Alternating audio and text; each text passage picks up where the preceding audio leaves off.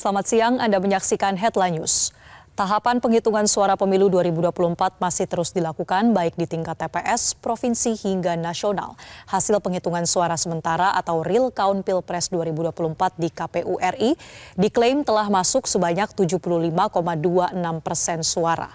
Paslon nomor urut 2 Prabowo Gibran masih tertinggi dengan perolehan 58,89 persen. Informasi selengkapnya akan disampaikan Nadia Soraya langsung dari kantor KPU RI. Selamat siang Nadia, seperti apa hasil rekapitulasi terkini di KPU? Ya, selamat siang Marcel dan juga pemirsa. Rekapitulasi suara terkini pemilu 2024 hingga saat ini masih terus dilakukan dari tingkat TPS, kecamatan, provinsi hingga juga nasional.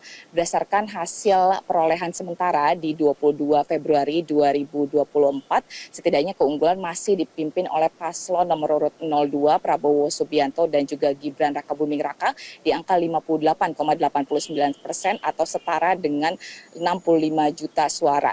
Sedangkan untuk di urutan kedua ada di paslon nomor urut 01 yakni Anies Baswedan dan juga Muhaimin Iskandar di angka 24,06 persen atau setara dengan angka 26 juta 581 sekian suara. Dan untuk di posisi terakhir ada di pasangan nomor urut 03 yakni Ganjar Pranowo dan juga Mahfud MD ada di angka 17,05 persen atau setara dengan 18 juta 833 sekian persen atau maksud saya juta suara. Di samping itu untuk keseluruhan suara ini diperoleh dari atau dihimpun dari setidaknya 619.579 TPS dari 823.236 TPS yang ada di seluruh tanah air. Di samping itu untuk penghitungan sementara di pileg DPR setidaknya ada lima parpol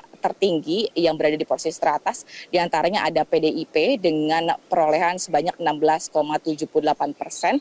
Dan untuk di posisi kedua ada Partai Golkar di angka 15,13 persen. Di urutan ketiga ada Partai Gerindra dengan 13,42 persen. Dan di posisi keempat ada Partai PKB dengan 11,77 persen. Dan di posisi kelima ada Partai Nasdem dengan perolehan 9,43 persen. Namun dari seluruh jumlah suara ini yang perlu dijadikan perhatian oleh masyarakat adalah hingga saat ini KPU menegaskan bahwa sistem informasi dan rekapitulasi atau sirekap ini tidak dapat dijadikan acuan pertama lantaran sirekap hanya menjadi alat bantu penghitungan. Di samping itu KPU juga membenarkan adanya kesalahan penginputan data ataupun pembacaan data secara digital dan hingga saat ini seluruh uh, hal itu sedang dilakukan perbaikan ataupun evaluasi oleh KPU. Di samping itu bahkan hingga saat ini baik PDI Perjuangan dan juga Partai Keadilan Sejahtera atau PKS ini meminta